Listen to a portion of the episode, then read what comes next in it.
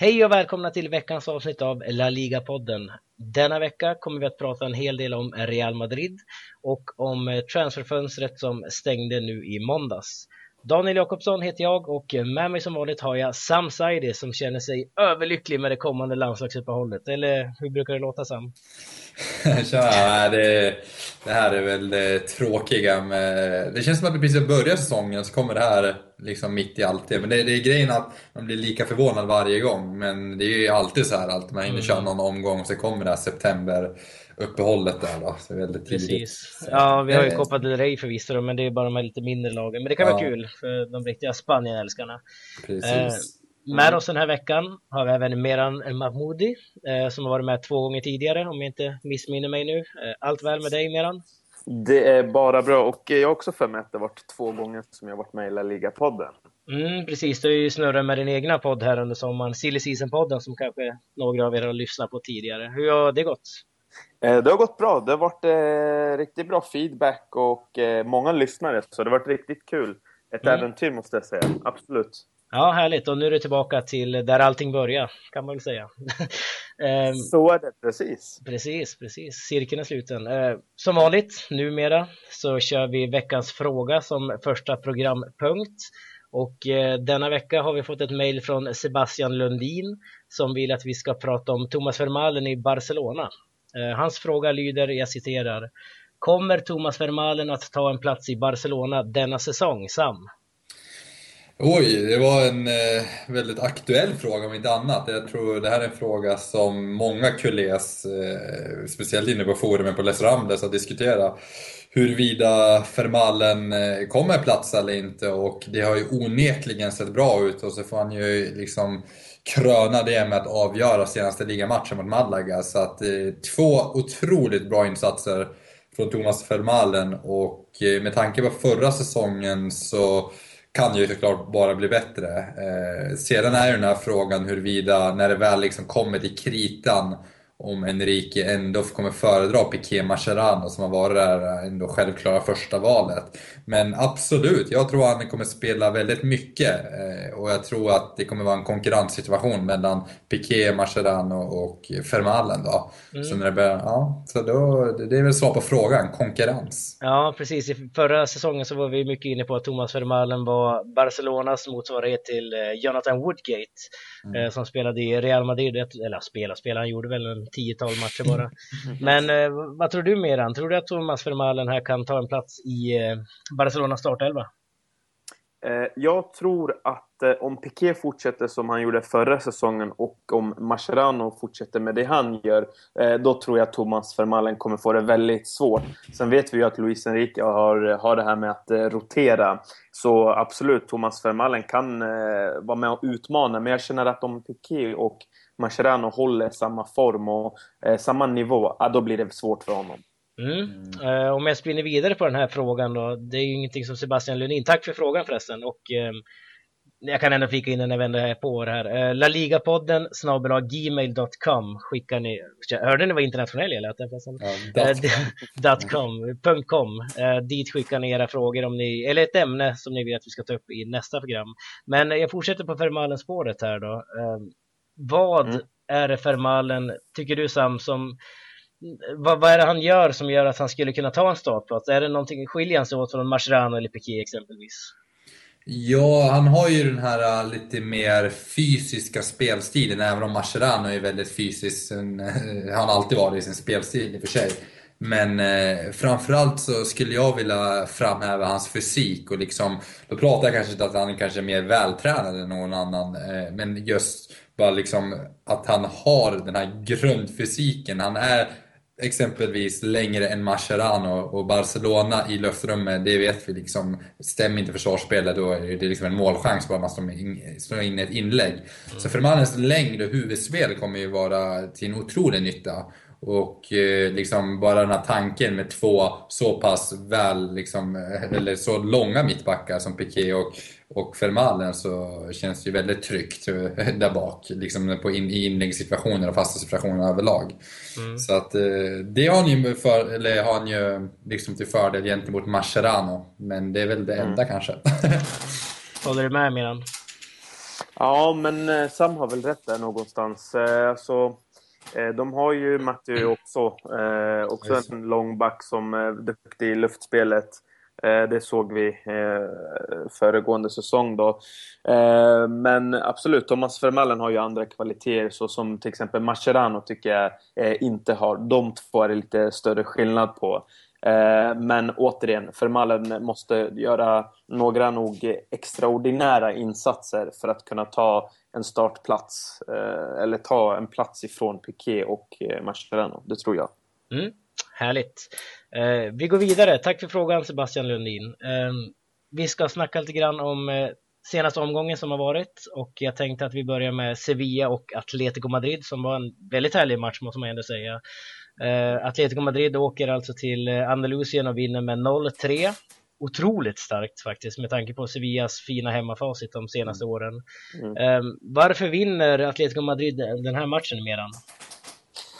Ja, alltså jag tycker så här att eh, till skillnad från resultatet så tycker jag ändå att den inte speglar matchbilden. Alltså Sevilla gjorde det ändå ganska bra. Första halvlek tycker jag, ja, det var en riktig PL-match. Alltså det var inte någon mm. te tekniska höjd, höjdare liksom i, i spelet och så. Utan det var ju många gula kort. Eh, och sen hade, ska vi vara ärliga, alltså Atleticos eh, både 1-0 och 2-0 Alltså det var väldigt mycket tur och eh, flyt som Atletico Madrid hade. Eh, men återigen, Sevilla hade inte flytet, det hade Atletico Madrid. Eh, och 3-0 målet, 3-0 målet var ju i princip, då hade Sevilla nästan i princip, i princip gett upp då. Det var liksom sex backar runt Griezmann och Martinez och de kunde fortfarande avsluta. Så att, ja, nej men så känner jag i alla fall kring ja. matchen. Eh, lite intressant här också kan vi se att Jackson Martinez, han startade ju mot eh, Las Palmas i premiären men eh, var petad i den här matchen då och Torres startade istället. Mm. Varför, varför var det så för Sam? Tror du att det var något taktiskt bakom det där? Ja, eller Ja, det är klart att eh, Torres djupledslöpningar vill man väl få in.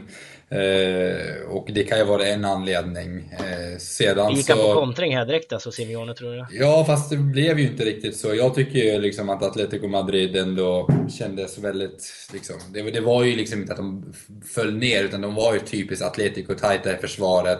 Men jag tror de vill ha den här möjligheten att kunna ställa om på Torres eh, och liksom nästan överraska motståndaren. Sedan skulle jag vilja fylla, fylla vidare här med att eh, eller att eh, det var en otroligt stark seger. 0-3 på Sanchez Pichuan. Det tycker jag nästan är en styrkedemonstration eh, från, från Atletico. Och eh, en spelare som bör hyllas i den här matchen. Man kan säga att det är tur, speciellt det där första målet. Men kollar man på många situationer innan, alltså Griezmann. Jag tror inte det är bara tur längre, att han får med sig bollen hela tiden, varje gång. Det är helt otroligt. Jag tror det var någon situation innan målet när bollen var på väg ut och på något vis så liksom kom han runt och liksom kom runt, kant, alltså kom runt kanten där. Och, ja, det är helt otroligt hur han liksom har lite flax, men när det händer så pass ofta då förstår man att det är en spelare som arbetar något kopiöst och då förtjänar man och då kommer också turen med det. Mm, precis. Um, en annan match som jag tänkte highlighta lite grann är eh, Baskenderbyt mellan Eibar och Athletic Bilbao där eh, Eibar faktiskt går upp i delad serieledning nu efter två omgångar. Inleder lite grann som i fjol, eller vad säger du Meran? Vad, vad tycker du om den här matchen och Eibar framförallt här? Jag ska vara ärlig och säga att jag inte såg hela matchen, jag såg lite av den matchen då. Mm. Men jag kan väl säga att Eibar gjorde det riktigt bra. Så Bilbao, de, är, ja, de har inte varit lik sig själva efter den där vinsten, eh, cupvinsten mot eh, Barca. Eh, och Bilbao, ah, man gör sådana enkla misstag. Jag menar, det första målet, det där är juniornivå eh, på det misstaget och det utnyttjar Eibar. Hörnan också väldigt bra slagen i och för sig, men målvakten inte helt med. Eh, nej men eh, det var riktigt bra gjort av Eibar och man får ju hoppas att eh, att det går bra eh, för dem då. Mm. Mm. Eh, Atletic här då, de har förlorat två raka nu, först mot Barcelona hemma och nu mot Eibar borta.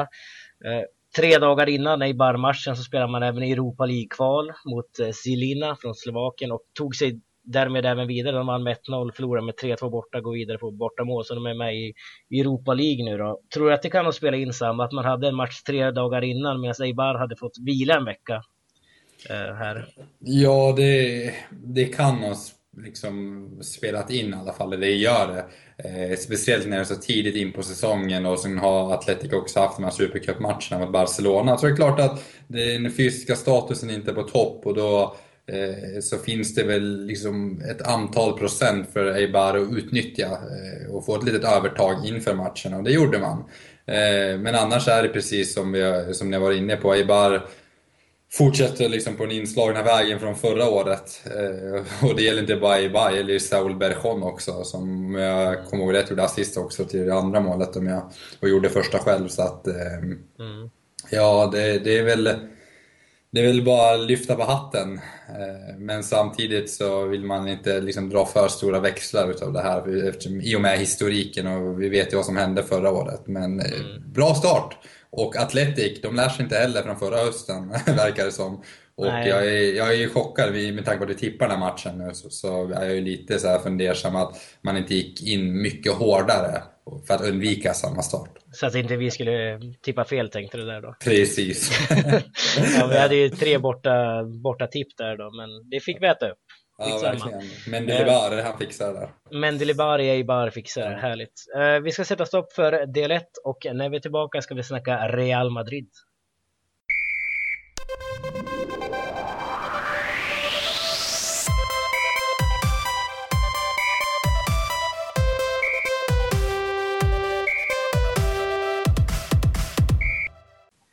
I den här delen av programmet var tanken att vi skulle prata om Spaniens kanske mest älskade och hatade klubb på samma gång, Real Madrid.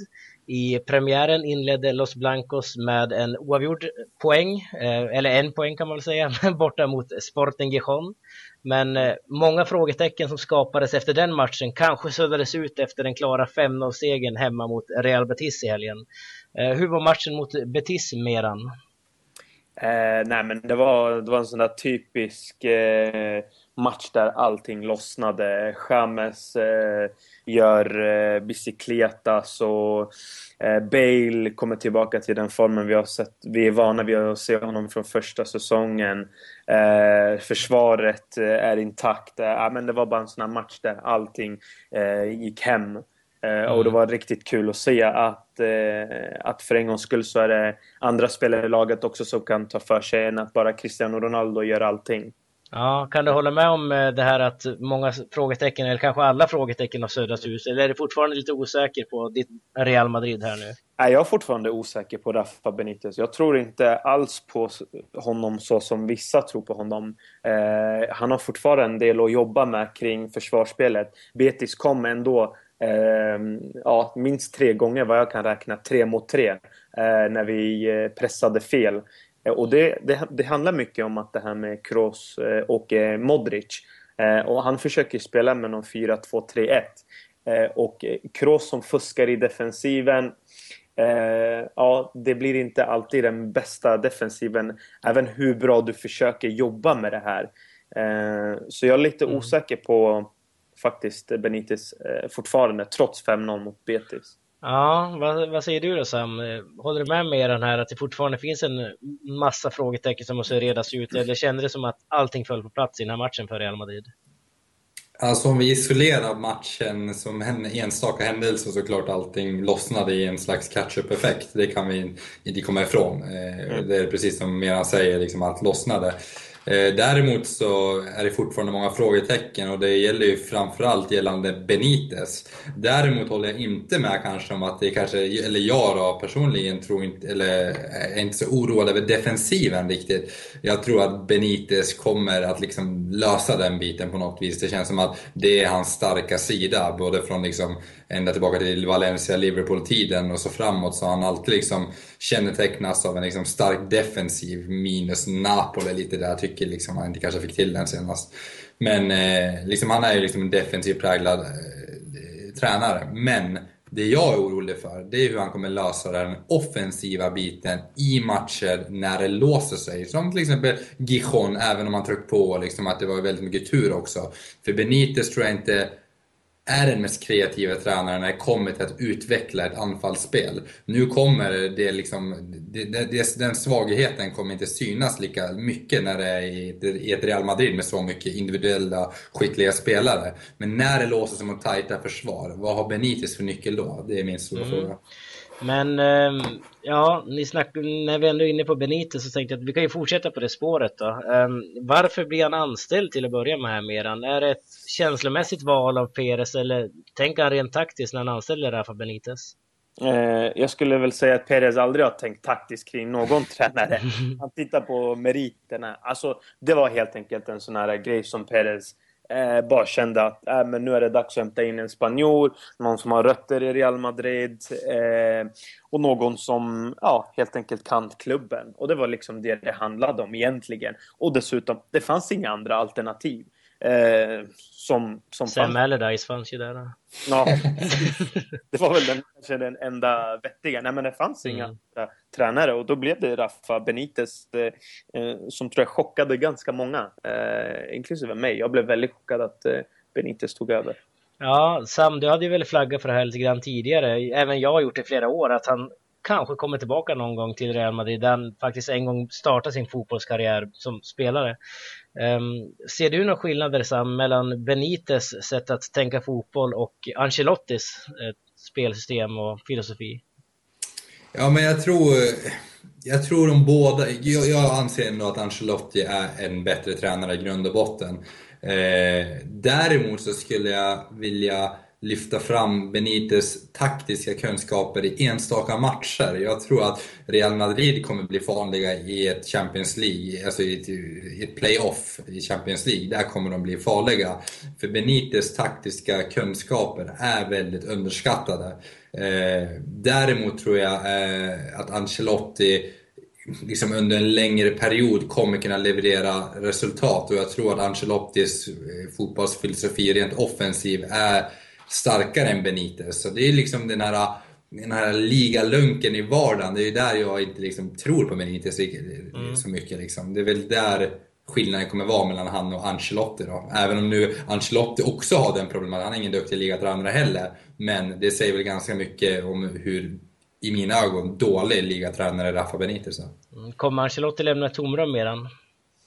Eh, absolut, det tror jag. Och som sagt, jag vill gärna jag vill gärna minnas tillbaka när det var senast Real Madrid tog in en tränare där man tänkte eh, långsiktigt. Alltså Benitez är ingen långsiktig lösning enligt mina ögon. Och jag tror inte heller att han kommer bli det.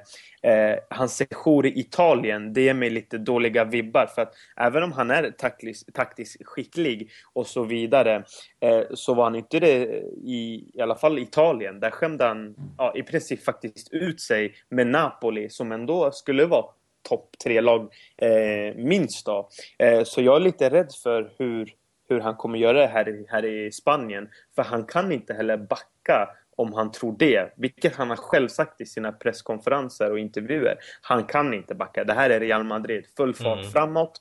Och du får hålla tätt bakåt på något sätt. Det brukar vara så i alla fall. Sen vet jag inte om Perez har bestämt sig för att ändra den filosofin helt plötsligt. Nej, eh, under sommaren har det hänt en del också förutom att Benitez anställdes här nu då. Mm. Um, han har ju värvat in en del spelare och tappat en del spelare. Um, hur skulle ni vilja summera här nu? Jag nämnde inga namn, det kan ni namedroppa själv. Men hur skulle du säga Sam att hans eh, första transferfönster har varit i Real Madrid? Eh, men tänker du då vilka spelare som har kommit in och ut då eller? Ja, men hur du tycker att hans sommar har varit? Har han skött sig bra, Benitez, eller tror du att det, ja, vad, tycker du? Eh, jag vet inte om jag förstår frågan. Hur han har skött sig eller hur klubben har... Nej, men alltså, hur, hur han, vilka han har värvat. Har han gjort det bra? Ah, okay. Nu vet jag inte om det är just han som alltid värvar spelare i Real Madrid. Det känns väl mer som det är liksom Peres sista ord eller sportchefen. Men eh, kollar vi på vad klubben har tagit in då, oavsett om det är liksom en direkt order från Benitez, så är det väl inga liksom liksom spelare som kommer göra någon skillnad. Jag är i och för sig väldigt liksom imponerad av Danilo de här två matcherna. Jag tycker han har kanske inte stickit ut, alltså stuckit ut på något vis, men hans liksom, eh, jag vet inte, dynamiska spelstil och liksom enorma liksom kliv på planen. Liksom, han känns så stor, tar mycket plats på planen. Det tror jag eh, kommer gynna Real Madrids högerkant. Även om jag eh, liksom gillade Car Carvajal och det är ju synd att en spansk spelare kommer hamna i kläm där. Men annars tycker man har skött det dåligt. Som Real Madrid har gjort på senare år med hela Iker Casillas-gate. Iaramendi var inte heller något lyckat. Och sen så har vi hela den här de Gea-soppan nu då, som är aktuell, som är ju ett stort fiasko. Och liksom med det har vi Keylor Navas som hamnar i kläm där. Så att, nej, det är liksom... Det har inte varit värt det. Jag tycker att Pires, eller Real Madrid, eller Benitez, vem det nu är som har eh, liksom dragit i trådarna, har i stort sett gjort ett dåligt transferfönster. Ja, vad säger du Meran? Uh, nej, men jag är lite inne på samspår också. Uh, Benitez, eller vem det nu är. Ja, det är Perez. Vi behöver inte sticka ja. under stolen med det. Det är Perez som bestämmer. Och Eh, Eh, han har inte gjort det allt för bra. Danilo, absolut, ett bra köp. Men återigen, då ska vi prata om balans och röda trådar som inte har existerat i Real Madrid på väldigt länge. Du tar in Danilo för att konkurrera med Carvajal. Du har så topp fem världens bästa högerbackar, Danilo och Carvajal. Topp 10 kan vi också säga. Jag vet inte om det är så bra att ha en sån konkurrens. Men i andra sidan så har du Marcelo på sin kant och där ska du ha Arbeloa eller Nacho, för man lånade ut Coentrao. Mm. Eh, och jag förstår inte den där konstellationen. Eh, Kovacic, ja, vi får ju se om han blir ett bra köp. Han är ju en ung talang som behöver speltid. Jag vet inte. Eh, men ja, det här med de Gea då. Där sköt sig Perez själv i foten. Jag tycker han eh, skämde mm. ut eh, Real Madrid. Hur, hur tänker du då om hela de Gea-gate, om vi ska gå in på det? Ja, Vad alltså, har du för alltså, tankar där? Jo, men alltså så här är det nu struntar vi i det här med att eh, papperna kom in sent och allt det där. Vi kan prata om fotbollsspelarna David de Gea och Keylor Navas. Det här är mm. två människor precis som vi här då. Eh, och nu vet Navas, ja, jag är inte uppskattad i den här klubben. De vill göra sig av med mig. Men nu är jag kvar. Mm. Då sätts Keylor Navas professionalism på spel. Eh, och man får ju hoppas att han håller den, eh, vilket jag tror han gör, men fortfarande. Och så har du en David de Gea där Manchester United vet det här är en spelare som inte vill vara kvar i den här klubben. Och nu måste de behålla honom. Så mm. du har så två spelare som verkligen... Alla pratar om att Real Madrid och Manchester United har förlorat på det. Det har de kanske gjort. Men jag tycker spelarna har förlorat mest på det. Mm. Tyvärr. Men och, ja, hur ska man göra nu i Real Madrid då? Nu står man med Keylor Navas och Kiko Casilla. Mm. Uh, vad säger du Sam? Vem, vem ska stå av de här två nu? Ja, men det är självklart Keylor Navas ska stå. Jag tycker liksom att han har inte fått den uppskattning han förtjänar. Liksom. Men hur känns motivationen för en sån spelare som Meran är inne på här? Ja, det är klart det är precis som Meran är inne på att hej, han har ju suttit liksom klubbens rykte på spel här, vilket han ofta gör, eh, Peres. Och eh, har i stort sett skämt ut sig och eh, har behandlat Keylor Navas väldigt dåligt, skulle jag vilja säga. Eller ända från dag ett har de ju behandlat honom dåligt. Man tar inte in La Ligas bästa målvakt för någon säsong sedan där han mer eller mindre höll kvar ett helt lag på egen hand. Förpassa honom till bänken liksom, bakom Casillas, liksom, fine, det, det är okej okay för en säsong. Men han visste väl någonstans i bakhuvudet att Casillas kommer väl lämna eller sluta eller någonting. Så att han stod ut ett år och så kommer hans chans nu och då, då kommer nästa smäll och liksom visar att egentligen är det de Gea vi vill ha. Och så kommer vi in på den här frågan, varför vill de ens ha de Gea? Det förstår inte jag, förutom att han är en otroligt bra målvakt, fine, men det är ingen, liksom, vi måste lägga in andra variabler här. Det är ändå en spelare som kommer från Atletico Madrid som uttalade sig för några år sedan att liksom, ge mig en blank check så kommer jag ändå aldrig skriva liksom, eh, på för Real Madrid. Eh, det kan ju liksom ifrågasättas huruvida Real Madrid vill ha, eller borde vilja ha en sån spelare. Jag personligen skulle inte vilja ha, ha en sån spelare till mitt Barcelona, även om det var för länge sedan. Eh, så att, nej, jag vet inte. Väldigt konstigt är situationen. Ja, eh, vad, vad, tror du då Meran? Hur tror du att liksom Keylor Navas kommer tackla den här situationen? Kommer han fortsätta vara lika duktig som han varit här i inledningen eller tror du att Casilla sakta kommer ta över här? Nej, alltså det kommer vara Keylor Navas som står i mål. Eh, det är ingen Eh, men som jag sa tidigare, då, vi får se om han, om han är så professionell som en fotbollsspelare ska vara. Man, det är, man får ju sitta och hoppas det. Man får inte tänker att han ska nu stå i mål bara, ah, nu släpper jag förbi den där, skitsamma. Alltså, det, det hoppas nej, jag nej, han... precis. Men... Nej, men då kommer han bli bänkad. Alltså. Men eh, det är ju precis som du säger, hans professionalism kommer ju sättas på spel. Eller liksom, det kommer ju liksom komma på pröv, eller ställas på prövning. Mm, härligt. Eh, vi snackar lite grann om silly season här nu och eh, vi ska sätta stopp för del två men när vi är tillbaka så ska vi snacka om väldigt mycket silly season.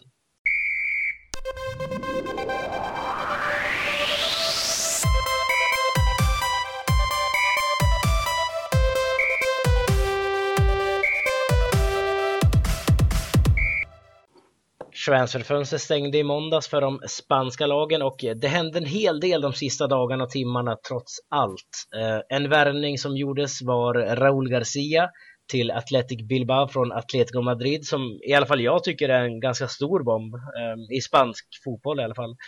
Eh, är det rätt läge tycker du Sam för Raúl Garcia att flytta hem till Baskien? Ja, jag vet inte, det är ju precis som du säger en otroligt tung värvning och han är ändå bara 29 år så att det känns som att han hade mer, och nu är det ju inte för att Athletic Bilbao liksom är trappa ner direkt men från Atletico Madrid ner till Athletic Bilbao så är det lite den signalen han sänder. Eh, men eh, jag tyckte han hade mer att ge i Atletico Madrid, speciellt med tanke på den era den klubben är inne i just nu så tror jag han gör liksom, ja, han gör sin, ja, han borde ha varit kvar faktiskt. Han gör bort sig lite kan jag tycka. Men det är mycket annat som väger in liksom personliga, liksom familjen och sånt. Kan vara något sånt också. Kanske att vill ha kontinuerlig speltid, det kommer han ju inte få i Atletico. Så att det är väl de faktorerna som till slut avgör det. Ja. Så att en bra värvning, grym värvning av Atletic. Ja, bra värvning säger Sam. Vad säger du Meran? Är det en stor förlust det här för Atletico Madrid? Det är ändå en trotjänare vi pratar om här. Absolut, eh, men man måste tänka också på att eh, det som Sam säger, alltså han har tyvärr ingen, han kommer tyvärr inte få någon startplats och så mycket speltid och det såg vi även i föregående säsong, då var han ju inte alls given. Eh, då såg man signaler redan då så att eh, det var, jag tycker att det var rätt val av honom att, att sticka till eh, Atletico Bilbao. Eh, det måste vara personligt skäl som Sam säger varför han väljer Atletico Bilbao och eh, ja, det har varit signaler helt enkelt på att mm. han inte kommer placera Atletico. Speciellt med tanke på att de matcherna faktiskt, i och för sig ska man komma ihåg, de matcherna han fick spela var ju ofta mot de här lite liksom, tunga motstånden. Dels Real Madrid, när han skulle gå in och kanske förstöra spelet lite och liksom en väldigt så en, han är ju en närkampsspelare, gå in och grisa lite. Så att, eh, ja, jag tror inte att han eh, bara vill ha den rollen längre. Nej, precis. Så att det kan ju vara det. Mm precis. En annan som flyttar hem ehm, kan man ändå säga, det är Joaquin som vi pratade om förra veckan tror jag det var, eller om mm. det var för två veckor sedan. Ehm, att han ryktades tillbaka till Real Betis från mm. Fiorentina och den övergången är också klar nu. Joaquin återvänder alltså till La Liga och till Real Betis. Vad är yes. dina tankar kring det, Miran? Alltså, jag tycker så här, jag vill inte döda skönheten med att eh, sonen Joaquin kommer tillbaka till Real Betis och alla tycker att det är så fint och så vackert. Det gör jag med, jag tycker att det är väldigt vackert. Men, nu kommer det stora menet. Eh, jag, jag, har, jag, jag har en vän som är Juventus-fan. Vi satt och kollade några italienska matcher under föregående år. Jag följer Italien lite. Såg Fiorentina spela några matcher med Joaquin. Alltså, han har tappat väldigt mycket mycket. Det är ju inte samma Joaquin, om, så att man, man måste vara beredd på det. Om han mm. kan bidra mycket till Real Betis, absolut. En bra värvning, absolut. Att han ska göra stordåd, nej. Nej, men eh, vi har ju sett de här värvningarna tidigare, liksom i fjol bara, när Fernando Torres återvände hem till Atletico Madrid. Det ger ju en slags boost i hela klubben, i hela liksom själen som någonstans glöder igenom. Va, vad säger du Sam om Joaquin? Du jublade stort här när, du, när vi bekräftade det här. ja, men det är ju en nostalgivärvning eh, man gör här och det det, ja, det, det är gött att eh, Joaquin är tillbaka. Det är liksom, han var ju med när man började få upp intresset för La Liga överhuvudtaget.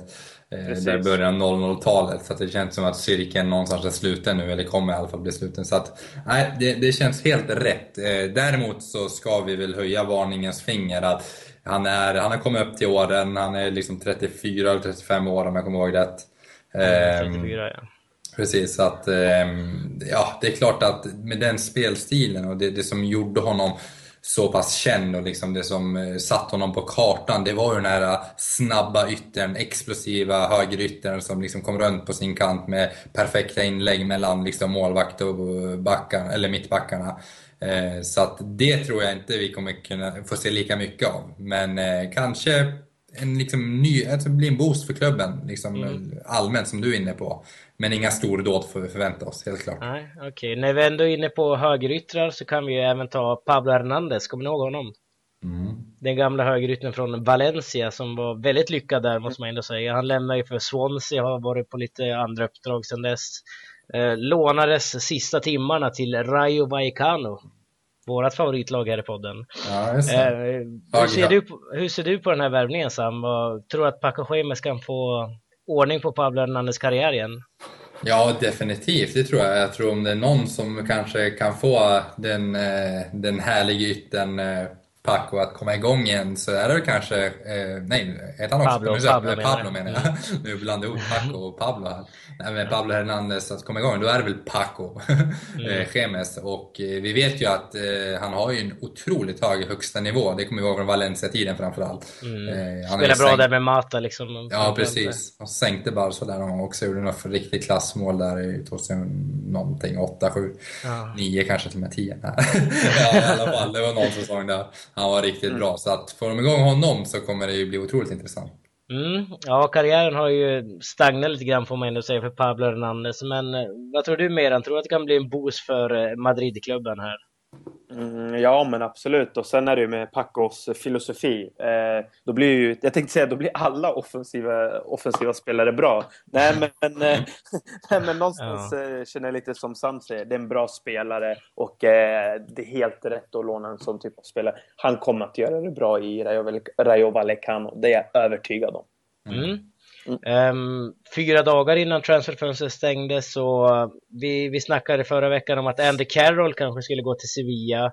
Nu fick man en liknande spelartyp men enligt mig mycket bättre. Fernando Llorente uh, anlände från Juventus gratis. Uh, varför går Llorente till Sevilla Sam? Ja, Och behövs det. den spelaren för den delen?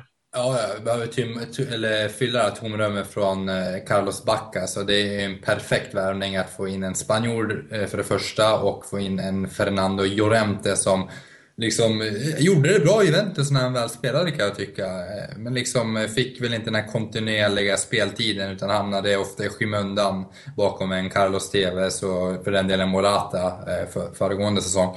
Eh, men vi vet ju vilken klassspelare han är när han väl kommer igång och jag tror att Sevilla är den perfekta destinationen. Det känns som en sån perfekt Sevilla-värvning som kommer liksom göra sina obligatoriska mål, kommer sänka något liksom, topplag. Eh, ja. Så att, eh, nej, det här, det här var kanske den, en av de bästa värvningarna så här på sentimmarna. Ja, precis. Han fick ju dessutom göra debut på en gång här mot Atletico Madrid. Gick lite sådär då, ja. får man säga. Men eh, vad, vad, tycker du om värvningen mer än av Fernando Llorente till Sevilla? Alltså det är en bra fotbollsspelare. Eh, han har ju sådana kvaliteter som alla lag kan behöva. Stark i Eh, Eh, i luftspelet, eh, bra targetspelare och så vidare. Men att han ska fylla Carlos Baccas skor, det kommer han inte att göra. Det tror jag i alla fall inte. Eh, men absolut, det är en bra värvning av Sevilla, men jag hade hoppats på att det skulle komma in något större namn som kunde ta Carlo Baccas skor. Eller vad, mm. vad säger som, ni? Ja, som Andy Carroll. han är ju verkligen större, det kan man ju säga fysiskt. Men är... Eh, vi, vi, har ju alltså Immobil, Gamero och nu mm. Llorente alltså, som slåss om den där um, startplatsen i Sevilla. Så bredden är väl helt okej okay, får man väl ändå säga. Mm. Men, men, jag tänker ändå, vem skulle det kunna vara? Det är ju en intressant fråga medan ställa här. Vem, vem hade du fanns det några andra potentiella som kanske är lite större namn. Jag tycker Llorente är ett relativt stort namn ändå i och för sig. Men mm. eh, jag vet inte vad som fanns på marknaden, finns på marknaden. För Sevilla borde ju kunna locka namnkunniga spelare i och med Champions League-platsen här. Mm. Så att, mm. eh, jag är ju bara... Jag är, vad sa du? Nej, förlåt. Eh, jag tänkte säga att de borde väl ändå kanske kikat på Luis Adriano från, som gick till Milan. Mm. Han gjorde det hur bra som helst i Champions League eh, bombat in mål i Shakhtar och hela den här Shakhtar-eran med Viljan, Costa. Mm. Alltså det verkar ju vara bra brasilianska spelare som kommer därifrån. Mm. Och Eh, någon, någon sån typ av spelare borde man ha satsat på, tycker jag. Jag tycker inte att Lorente är någon ersättare till Backa. Att han sen fyller ut Sevilla och gör det, alltså, bredden på ett bättre sätt och alltså, att de blir att truppen blir bredd och, och så, det, det kan jag hålla med om, absolut. Mm. Nej, men det, det kan jag också fylla, liksom, eller skriva under på att liksom, Backa är en bättre spelare i grund och botten. Mm. Eh, så jag tycker det är märkligt att, att liksom, Backa faktiskt går till Milan och för den delen Adriano också. Liksom, där är det ingen Champions League-spel. Och där tror, jag, liksom, där tror jag Milan lever väldigt mycket på sitt gamla rykte. Liksom. Jag tror nog mm. har många så här, eh, pojkar som fortfarande har Milan som favoritlag. Liksom. Det skulle inte förvåna mig om det är en sån faktor som gör att Backa och Luis Adriano till slut går där tillsammans liksom i, i kombination med ett bra lönekuvert mm. såklart. För annars finns det ju ingen anledning att gå till Milan. Nej, det, det, det gör inte det. Nej, det är märkligt. Det är märkligt. Um, vi ska faktiskt ta den sista värvningen som jag har skrivit upp här också och det är Nicolas Otamendi som lämnade till Manchester City har nu ersatts av Tunisien, vi snackar Valencia här nu, Tunisien Aymen Abdenour som mittback då. 25 miljoner euro kostar han mer än, Vem är den här killen? Eh, Abdenour är en väldigt bra mittback. Jag har sett eh, några matcher eh, med honom. Eh, jag, tro, jag, tror definitivt på att han kommer göra ett väldigt bra jobb. Eh, visst tappade Valencia Otamendi i La Ligas kanske bästa mittback föregående säsong. Men man fick riktigt bra cash för Otamendi och eh, Abdenour är en eh, är en fullvärdig ersättare. Barca var ute efter honom. Det var många klubbar som ryckte i Abdenor. Eh, så jag tror starkt på den spelaren. Mm, jag kan ärligt säga att jag vet faktiskt inte vem den här killen är. Jag följer inte franska ligan speciellt mycket. Och eh, jag, jag blev bara chockad av 25 miljoner euro för en kille som jag, som ändå kollar mycket på fotboll, inte vet vem det är. Men mm. ja, man missar väl grejer. Vad, vad, vad, vad tycker du Sam? Jo, jag tycker också det är en bra värvning. Jag har inte heller följt honom så mycket, men i och med att han har ryktats till mitt Barcelona så har, så har man ju liksom läst sig in på honom. Och jag har, jag har liksom hört talas om honom tidigare i alla fall och sett någon enstaka match. Men inte kunnat följa honom kontinuerligt, så att liksom det är svårt att uttala sig hur han är över en hel säsong. Men enstaka matcher man har sett, liksom, eh, mer än att man har läst vad andra har skrivit och liksom kanske Youtube lite klipp och sånt. Och, så då ser i och för sig alla bra ut. men, eh, men, eh, så verkar det ju vara en klasspelare. Eh, mm. Jag, jag, tror inte liksom en klubb som Valencia skulle ens värva honom för så mycket pengar annars. Nej, härligt. Men det var Silly-snacket. Mm. Nu tänkte jag att vi ska gå vidare till den näst sista punkten vi har här i programmet och det är veckans match, eller Sam vs Daniel vs Gäst. kan vi, säga. vi har fortfarande inte gett något namn till den här programpunkten men uh, det, kommer. Förra veckan så tippade vi Eibar mot Athletic Bilbao och där tippade vi alla tre som var med i podden då att Athletic Bilbao skulle vinna. Så blev inte fallet. Uh, det har vi varit inne på tidigare. Eibar vann 2-0. veckans match i och med att det är landslagsuppehåll nu då kommer vara mellan Spanien och Slovakien som spelas nu på lördag. Mm. Ehm, vi börjar med gästen, Meran. Hur slutar det mellan Spanien och Slovakien? Uh, du ger en sån du, du ger den först till mig va? Uh, jag säger så här, Spanien har haft lite problem. Uh, jag har svårt att se att Del Bosque skulle lösa det så fort, men det är Slovakien hemmaplan. Uh, nej men säg 2-1 till Spanien. 2-1 till Spanien, ja. Mm. Um, jag... Ja, vi kan börja med dig Sam, du får köra. Nej, du körde en alltså, en riktig fuling. um, jag kommer ihåg förra året när vi satt här när de mötte Slovakien borta i, i, i, kval, i något kval. Vad var det för kval? Var det... Uh, det var ju i samma kval. Det är ja, samma kval, EM-kval. Ja, EM-kval. Ja.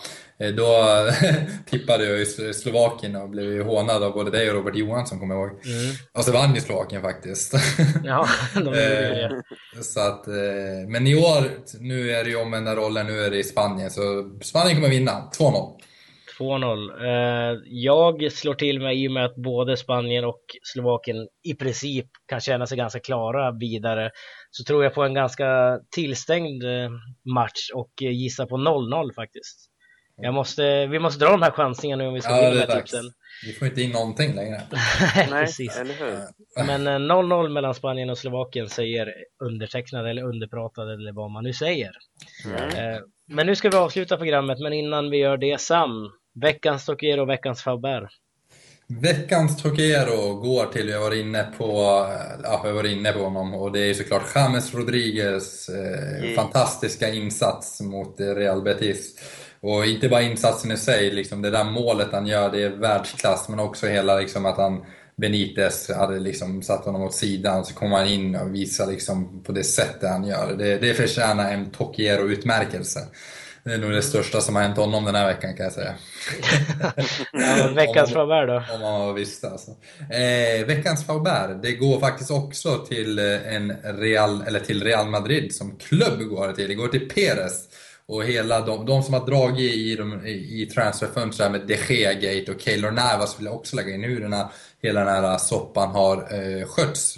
Och vi har varit inne på det, både jag och Meran och, nej inte du Daniel så mycket, har ju kritiserat eh, ledningen för hur de har eh, liksom skött det här och det förtjänar, jag tror jag ger det till Peres faktiskt mer än ledningen för jag är också ganska övertygad om att det är han som sitter där och drar i de här trådarna. Så mm. att Florentino Perez, veckans Faubert. Köper du listan Meran? Absolut. James, strålande, helt underbar, eh, gör allting rätt i den matchen. Och eh, Perez kan man alltid klaga på. Så det, det, där, jag, jag stämmer in med det Sam har sagt. Mm. Ett, ett säkert Faubert-kort. Exakt. Precis. Han brukar få en per säsong, så är det va? Ja, han får på sin obligatoriska nu. Det är tidigt, två, tre, tre avsnitt va? Mm, precis, tredje avsnittet. Men eh, härligt. Gå in på laligapodden.se om ni vill ha uppdateringar. Där kommer ni kunna se gamla klipp, eh, gamla avsnitt menar jag, i framtiden. Och vill ni ställa frågor eller ta upp ett ämne som ni vill att vi ska ta upp i nästa veckas eh, avsnitt så gör ni det till laligapodden gmail.com laligapodden gmail.com Perfekt. Härligt. Men eh, tack så mycket för att du var med den här veckan Meran. Tack själv, tack för att jag fick vara med, jättekul. Härligt. Det är alltid kul att du är med och du kommer säkerligen vara med framöver här också. Tack till dig också Sam. Tack själv Daniel. Tack. Vi avslutar här. Hej då. hej då. Hej hej.